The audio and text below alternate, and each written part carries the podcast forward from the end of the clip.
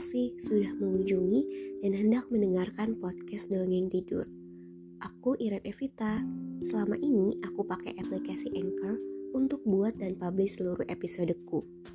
Kalian juga bisa loh download dan pakai Anchor untuk buat podcast karena 100% gratis dan bisa didistribusikan ke Spotify dan platform podcast lainnya. Selamat mendengarkan Hans, si orang paling beruntung. Semoga lekas tidur dan bermimpi indah.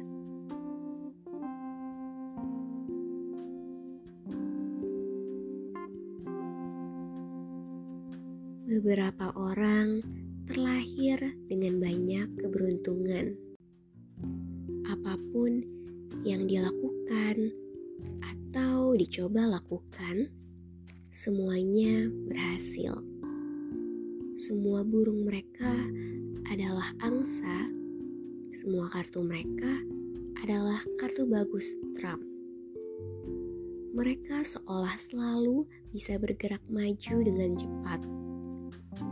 Salah satu orang dengan keberuntungan itu adalah Hans.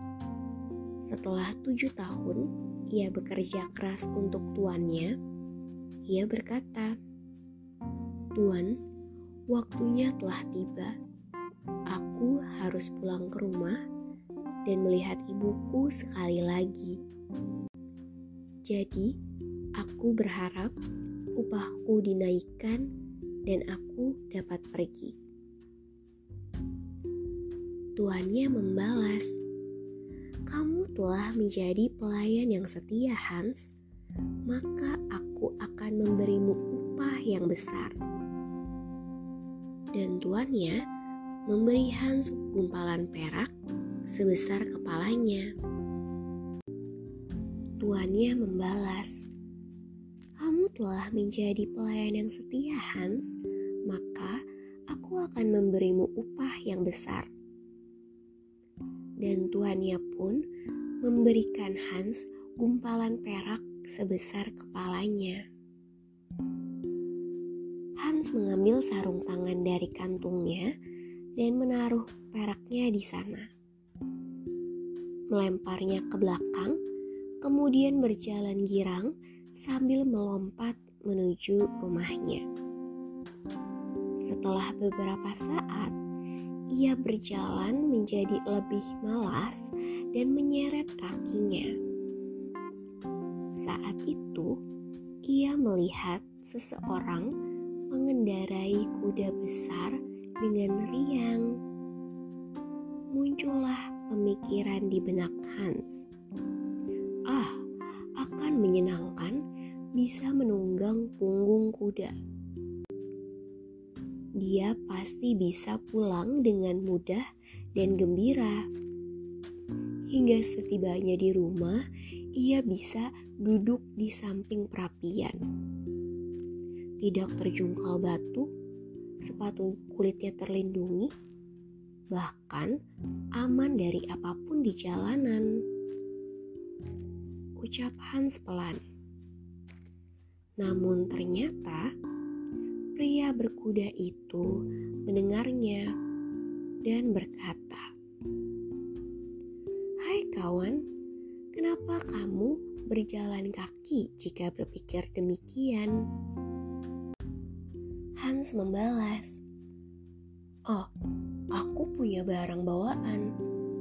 Kantungku ini berisi perak, berat dan pegel sekali. Selagi ia ku jinjing di punggungku, rasanya sampai sulit angkat kepala." Mendengarnya, pria berkuda itu menawarkan, "Bagaimana kalau kita barter?"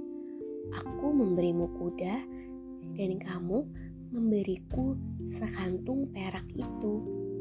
Tentu akan menghindarimu dari beratnya membawa semua perak tersebut, bukan? Hans menjawab dengan senang hati, tapi kebaikanmu itu akan menjadi tugas melelahkan saat membawa semua perak itu bersamamu. Bagaimanapun, mereka tetap bertukar. pria berkuda menerima kantung perak dan memberinya kudanya pada Hans, membantunya naik ke atasnya. Kalau ingin lebih cepat, rapatkan bibirmu dan ucapkan "jeep" dengan lantang. Hans duduk di atas kuda, meluruskan sikunya, memutar jari-jari kakinya, melayangkan cambuk kuda, dan berkuda dengan riang. Satu menit bersiul nada gembira, menit berikutnya bernyanyi.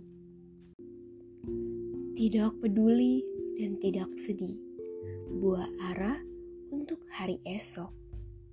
Kita akan tertawa dan menjadi gembira, bernyanyi lagu gereja tua.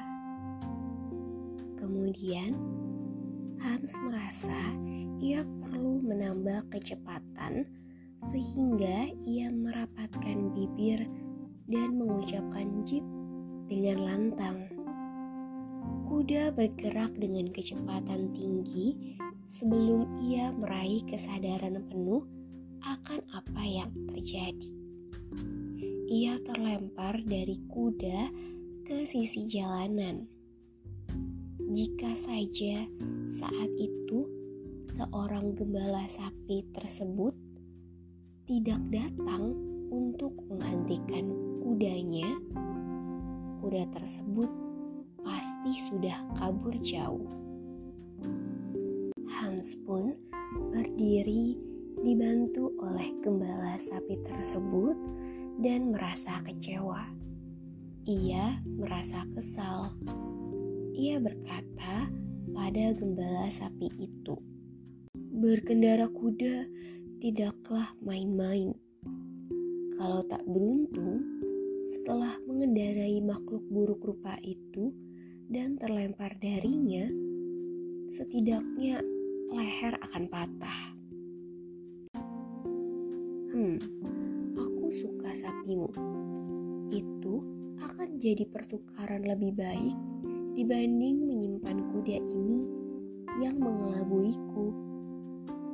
Aku bisa menggiring sapi itu, kemudian mendapatkan susu, mentega, dan keju setiap hari darinya.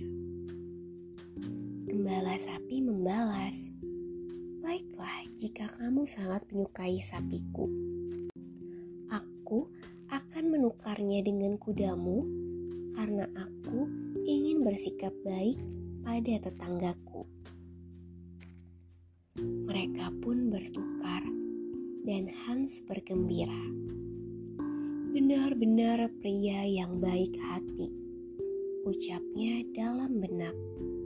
Kemudian, gembala sapi naik ke atas kuda, mengucapkan perpisahan pada Hans dan sapinya, kemudian mengendara pergi.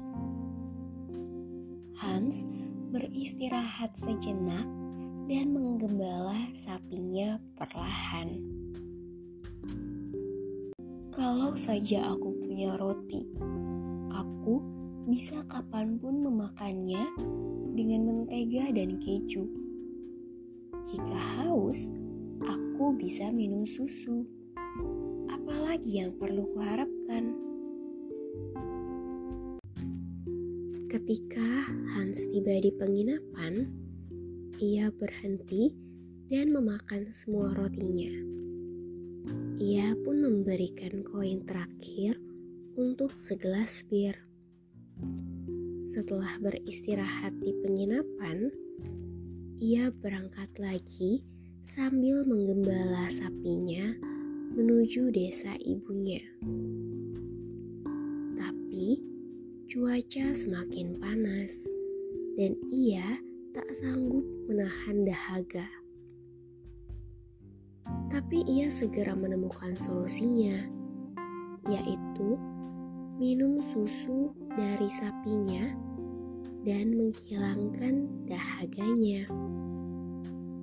Maka ia mengikat sapinya di pohon, menadahkan topi kulitnya untuk menampung susu, namun tak setetes pun ia dapatkan. Siapa yang dapat menebak bahwa sapi ini yang harusnya bisa memberinya susu, mentega, dan keju ternyata kering. Selagi Hans terus mencoba memerah susu dari sapi yang tak keluar setetes pun, sang sapi mulai merasa risih karenanya dan menendang kepala Hans. Hans terlempar, kemudian terbaring lemas.